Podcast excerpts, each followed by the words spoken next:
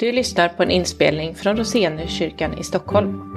Vi vill ha Jesus i centrum, stå på Bibelns grund och vara ett andligt hem med hjärta för Stockholm. Vill du veta mer om Roseniuskyrkan? Kolla in vår hemsida eller hitta oss på Facebook. Du är också hjärtligt välkommen till en av våra gudstjänster, söndagar klockan 11. Upplyft era hjärtan till Gud och hör dagens heliga evangelietext ifrån Johannes 10, vers 22 till och med 30. I Jesu namn. Nu kom tempelinvigningens högtid i Jerusalem. Det var vinter och Jesus gick omkring i Salomos pelarhall i templet. Då omringade judarna honom och frågade Hur länge ska du hålla oss i ovisshet? Om du är Messias, så säg det öppet till oss. Jesus svarade Jag har sagt det till er, men ni tror det inte. Gärningarna som jag gör i min fars namn vittnar om mig. Men ni tror inte, för ni hör inte till mina får. Mina får lyssnar till min röst och jag känner dem och de följer mig. Jag ger dem evigt liv. De ska aldrig någonsin gå förlorade och ingen ska rycka dem ur min hand. Min far som gett mig dem är större än allt och ingen kan rycka dem ur min fars hand. Jag och Fadern är ett. Så lyder det heliga evangeliet. Lovad vare du, Kristus.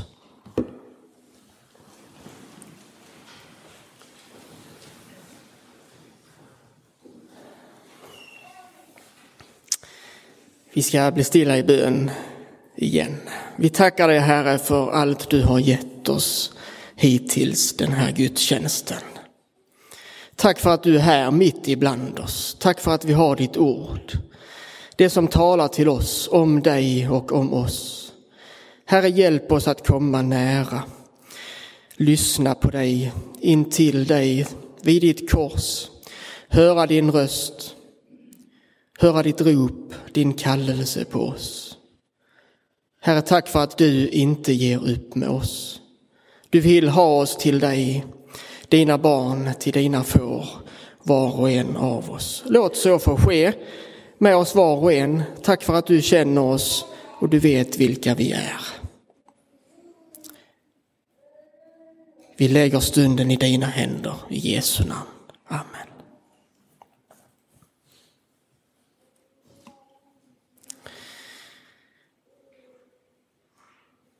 Ja, tack för välkomsthälsning och tack för att jag får komma hit. Henrik Nilsson heter jag som Sonja berättade.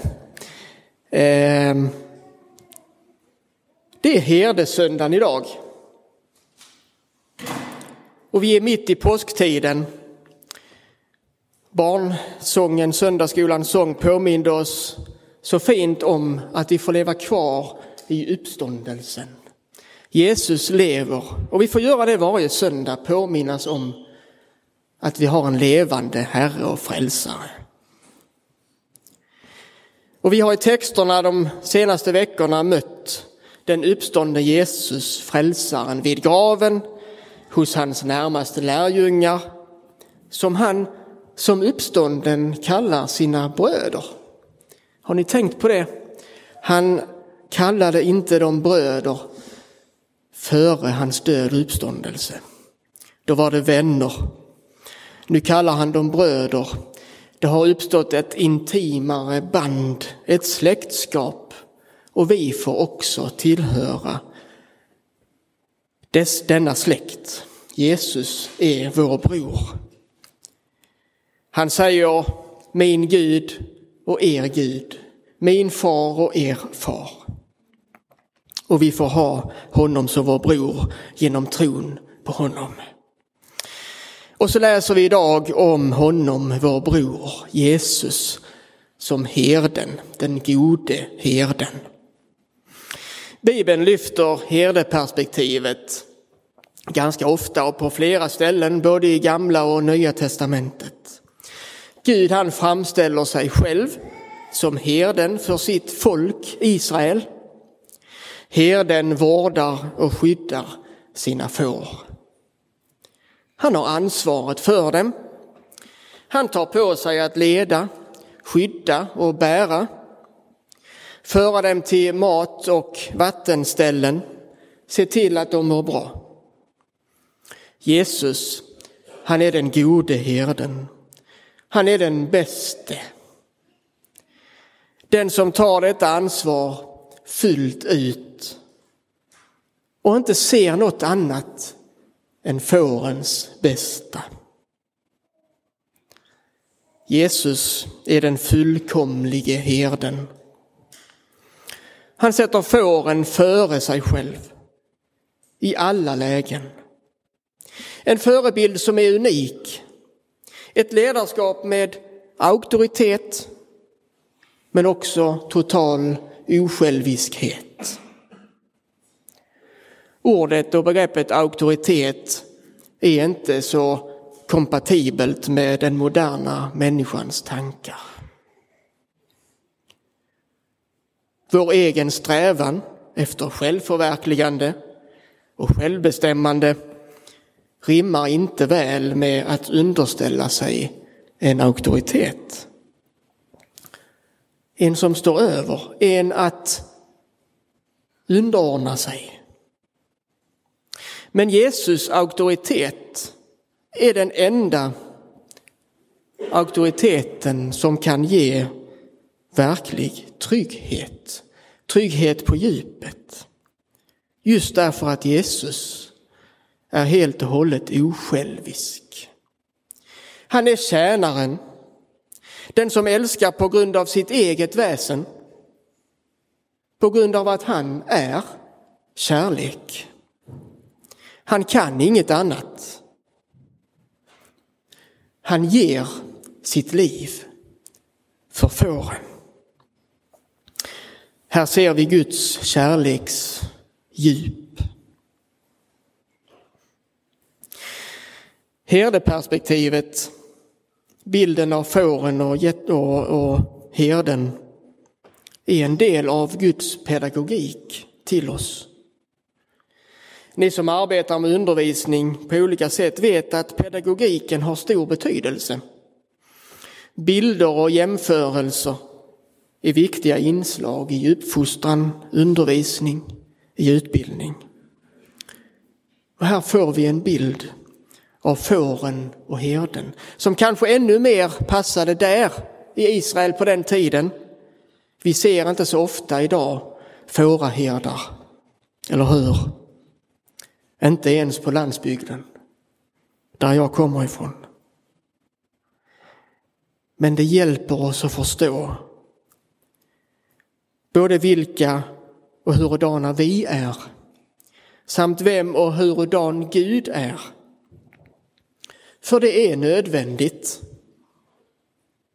för en människa om den ska kunna bli och vara en kristen att lära känna både sig själv och Gud.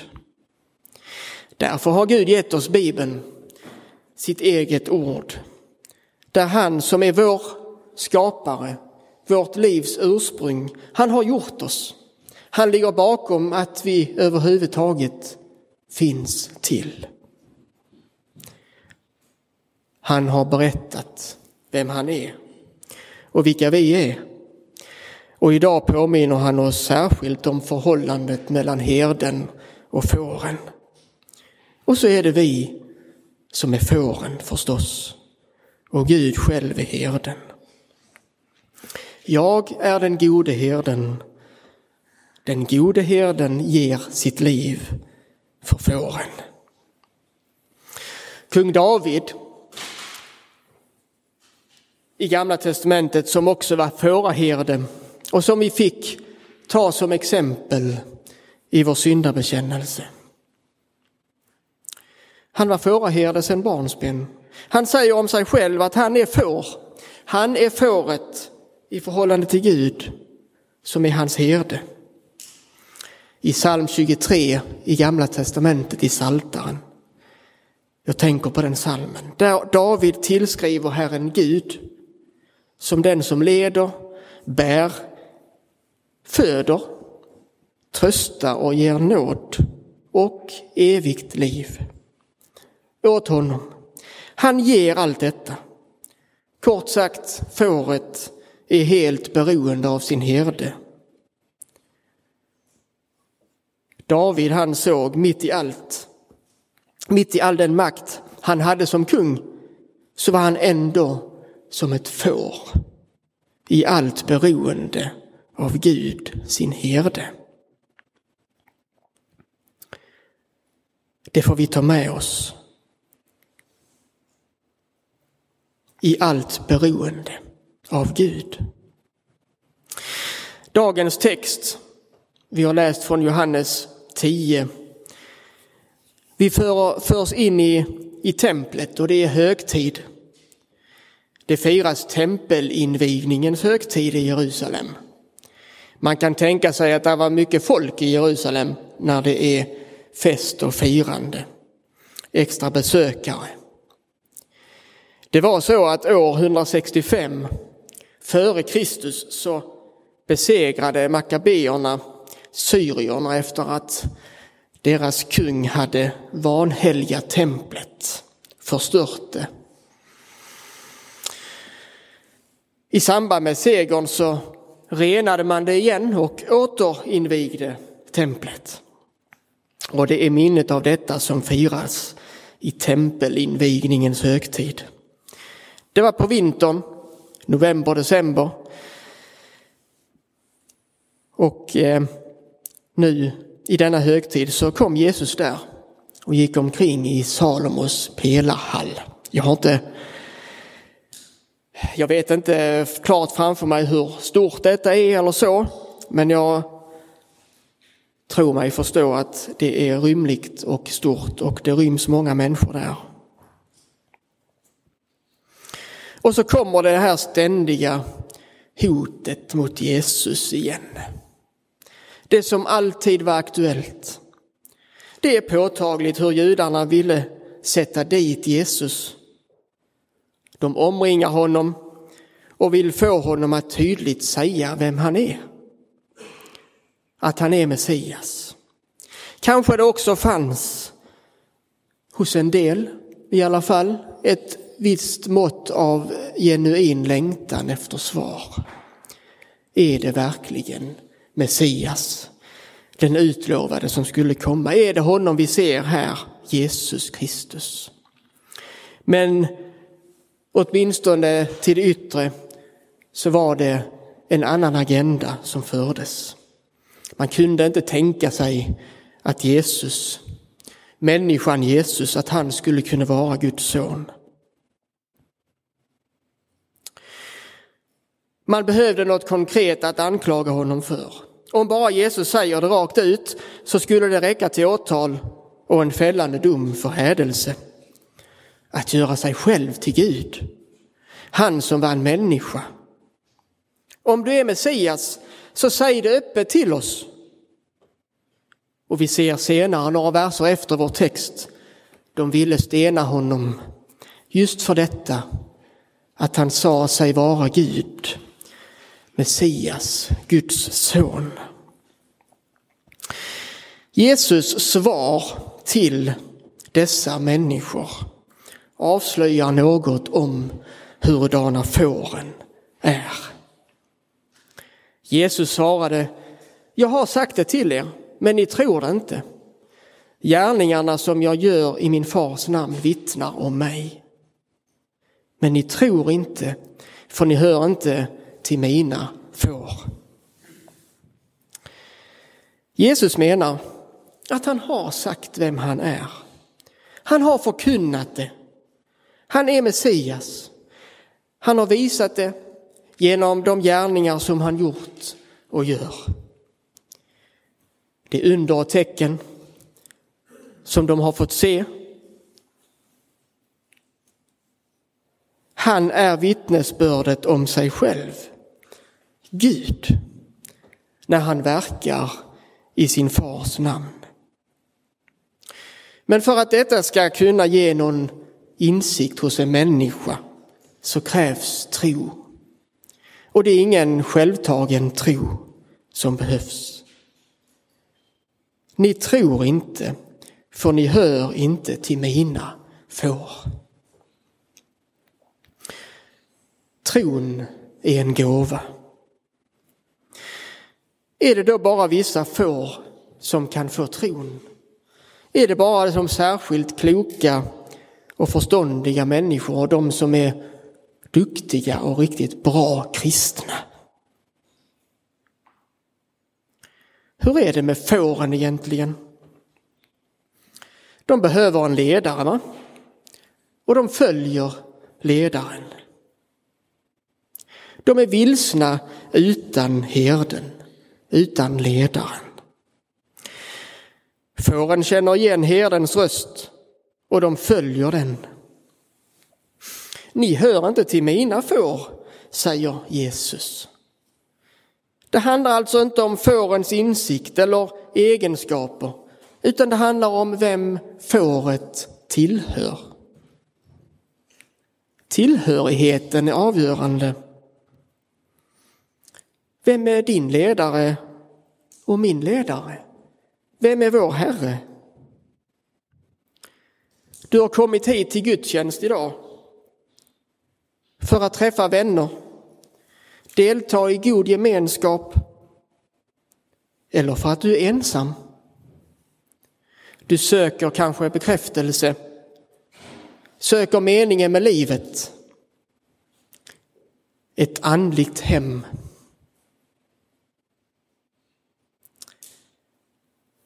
Du vill lyssna till Guds ords predikan.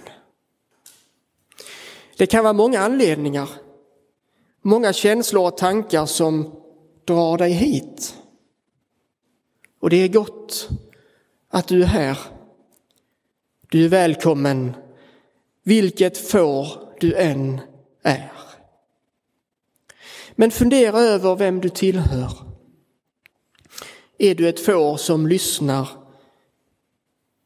till den gode herden? Eller lyssnar du till någon annan herde, någon annan ledare? För någon följer du, så är det med oss människor. Vi följer någon. Vi tar intryck av någon. Vi är följare. Hur viktigt är det inte att vi följer den gode herden?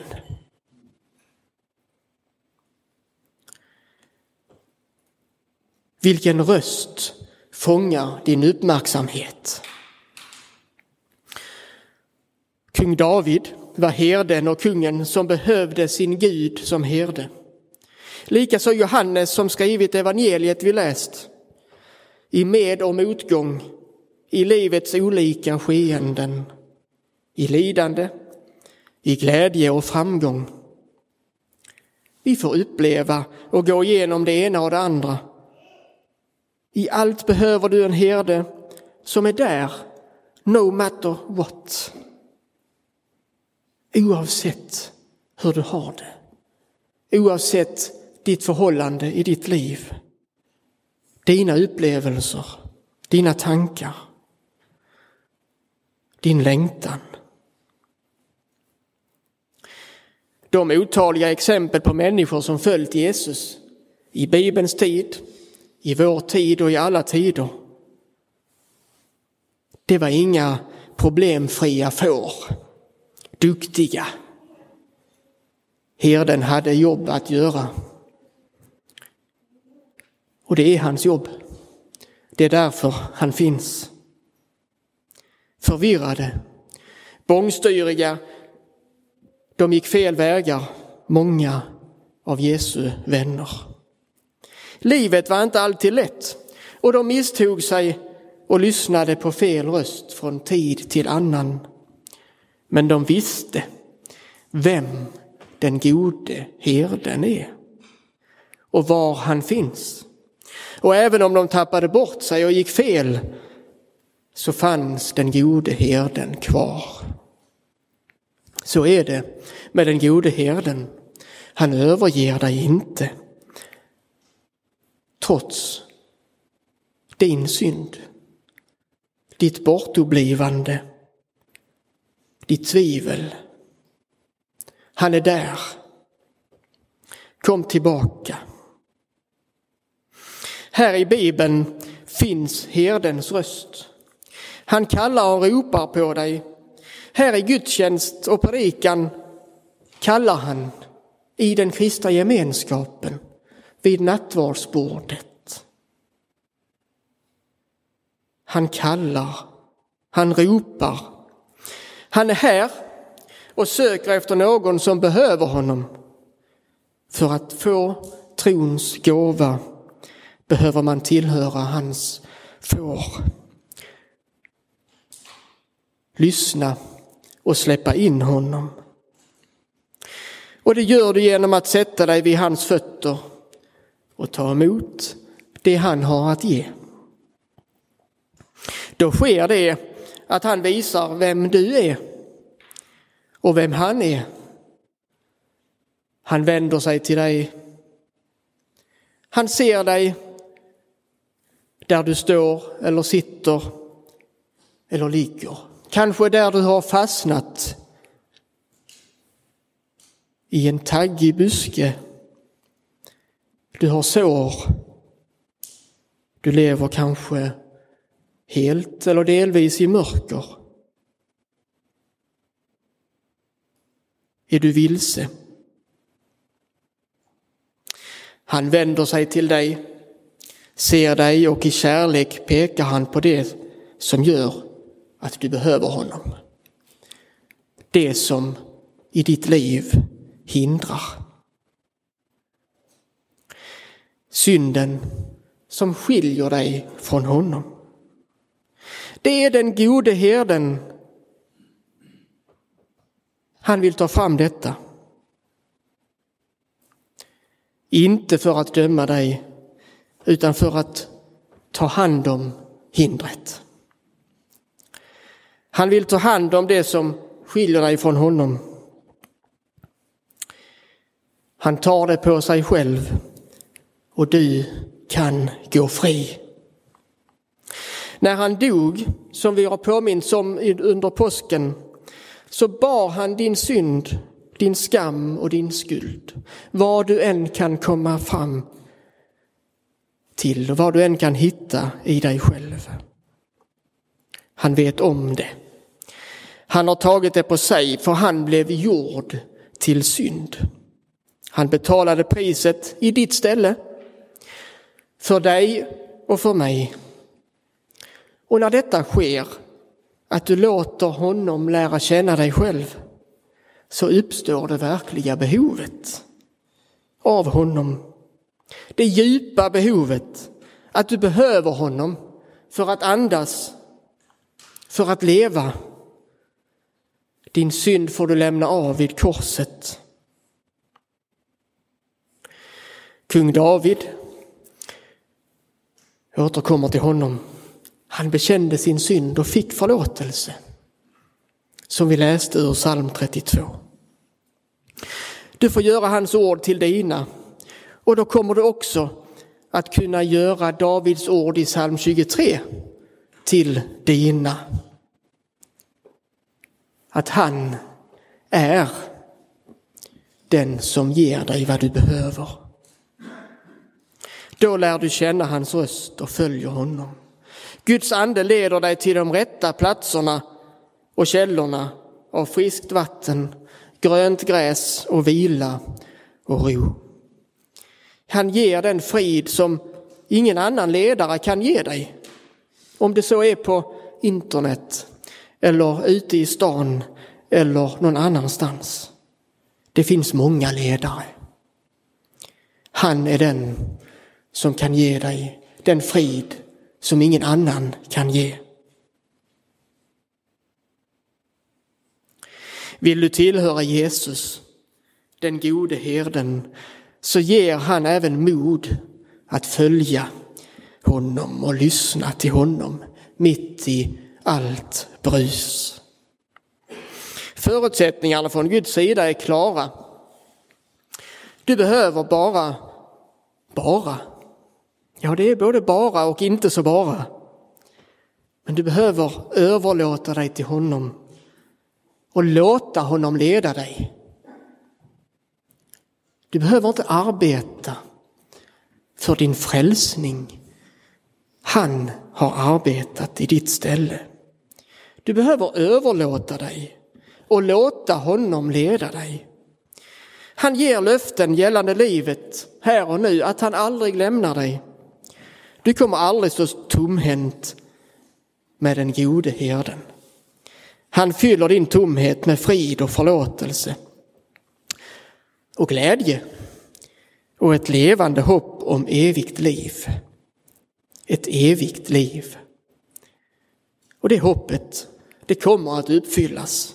Var så säker. För det är han själv som ger dig det hoppet. Han som har makten och han som har gett förutsättningarna för det. Mina får lyssnar till min röst och jag känner dem och de följer mig. Jag ger dem evigt liv. De ska aldrig någonsin gå förlorade och ingen ska rycka dem ur min hand.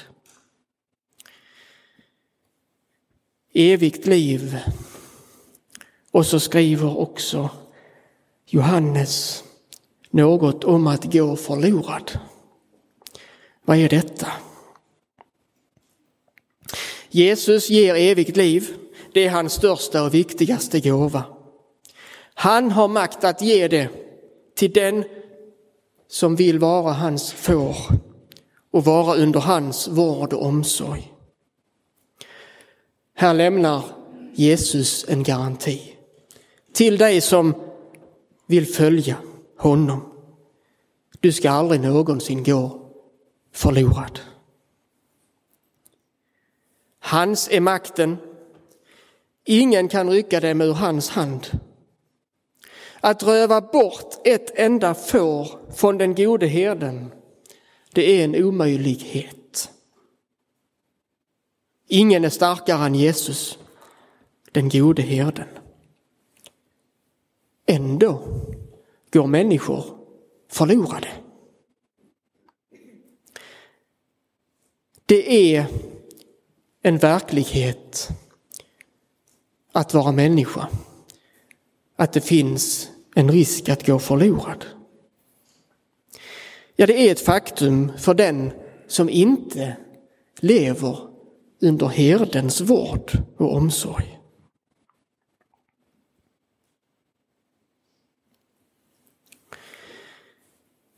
Och ordet i grundtexten här betyder att det är ett oåterkalleligt tillstånd utan Gud. I korta ord. Att gå miste om Guds frälsning och hamna i fördärvet, i förtappelsen. Det är starka ord, men så är det också på allvar. Guds dom och vrede över synden är fortfarande aktuell. Gud har inte ändrat sig och det ska vi vara glada för. Hans kärlek ändras aldrig, men inte heller hans helighet. Han är densamme i evighet. Så också hans vrede över synden. Men evangeliet talar om för oss att vreden har drabbat Jesus när han gjordes till synd för oss. Och i honom som får i hans jord så går du inte förlorad. Och ingen kan röva bort dig från honom.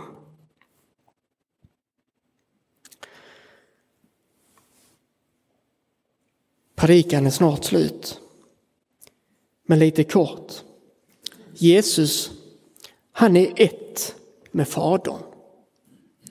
Jag och Fadern är ett. Han höjer sin far över allt och alla. Han är den högste, den störste. Och han har gett Jesus all makt. Och han har gett honom fåren. Han har gett oss i sin sons hand att ta hand om och fostra och leda. Och han ger vidare till oss ett uppdrag. Till oss som vill följa. Matteus 28 säger Jesus, åt mig har getts all makt i himlen och på jorden. Gå därför ut och gör alla folk till lärjungar. Döp dem i Faderns och Sonens och den helige Andes namn och lär dem att hålla allt som jag befallt er. Och se, jag är med er alla dagar till tidens slut. Jesus gör tydligt vem han är. Han är Guds son och människa. Gud och människa. Och det är alldeles självklart att det kan vi inte tro. Det kunde inte de där. Och för dem blev det till en aggressivitet, ett motstånd. Hur blir det för dig och mig? Lägger vi oss vid hans fötter och ber om trons gåva eller ställer vi oss reserverade och backar eller till och med anklagar honom?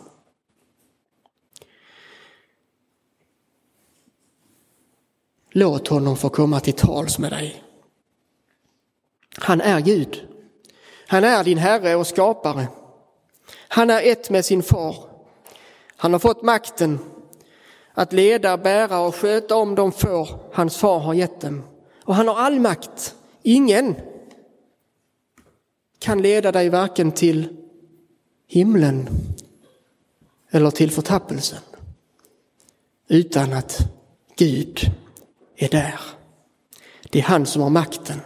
Han har makten över dig, ingen annan. Och han vill att du ska bli räddad. Han vill att du ska komma till honom och få det eviga livet.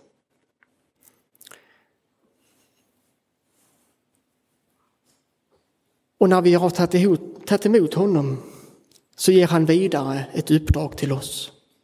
Genom honom får vi vara samlare av hans får. Samla in dem till hans jord. Han är dörren till flocken. Alla vi som är hans följare och vill ta hans uppdrag på allvar, vi får börja hos Jesus.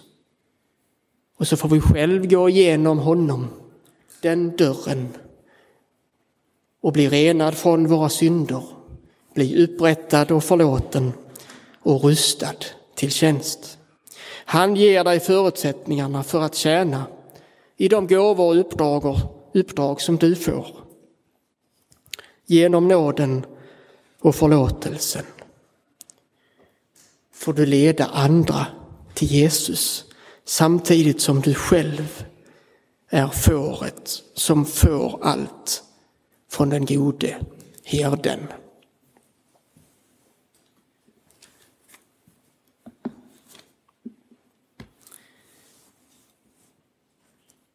Jag är ett svagt och hjälplöst lamm, o Jesus i din jord. O låt mig vara uppmärksam och lyssna till ditt ord. Jag kan min väg ej själv förstå, så led mig med din hand. Det är så lätt att vilse gå i mörkt och okänt land. Så många röster lockar mig ifrån din goda röst och ulven söker rycka mig ifrån ditt trogna bröst. Jämt lurar faror i mitt spår och lätt förgås jag kan. Men göm mig i ditt sidosår, o du min frälsarman. Hos dig är sällhet, trygghet, ro. Du älskar varje själ. Den som sig vill åt dig förtro, den går det evigt väl. Du kämpat har och vunnit. Du har fällt min ovän ner. O, ta mitt hjärta Ta det nu och släpp det aldrig mer. Amen.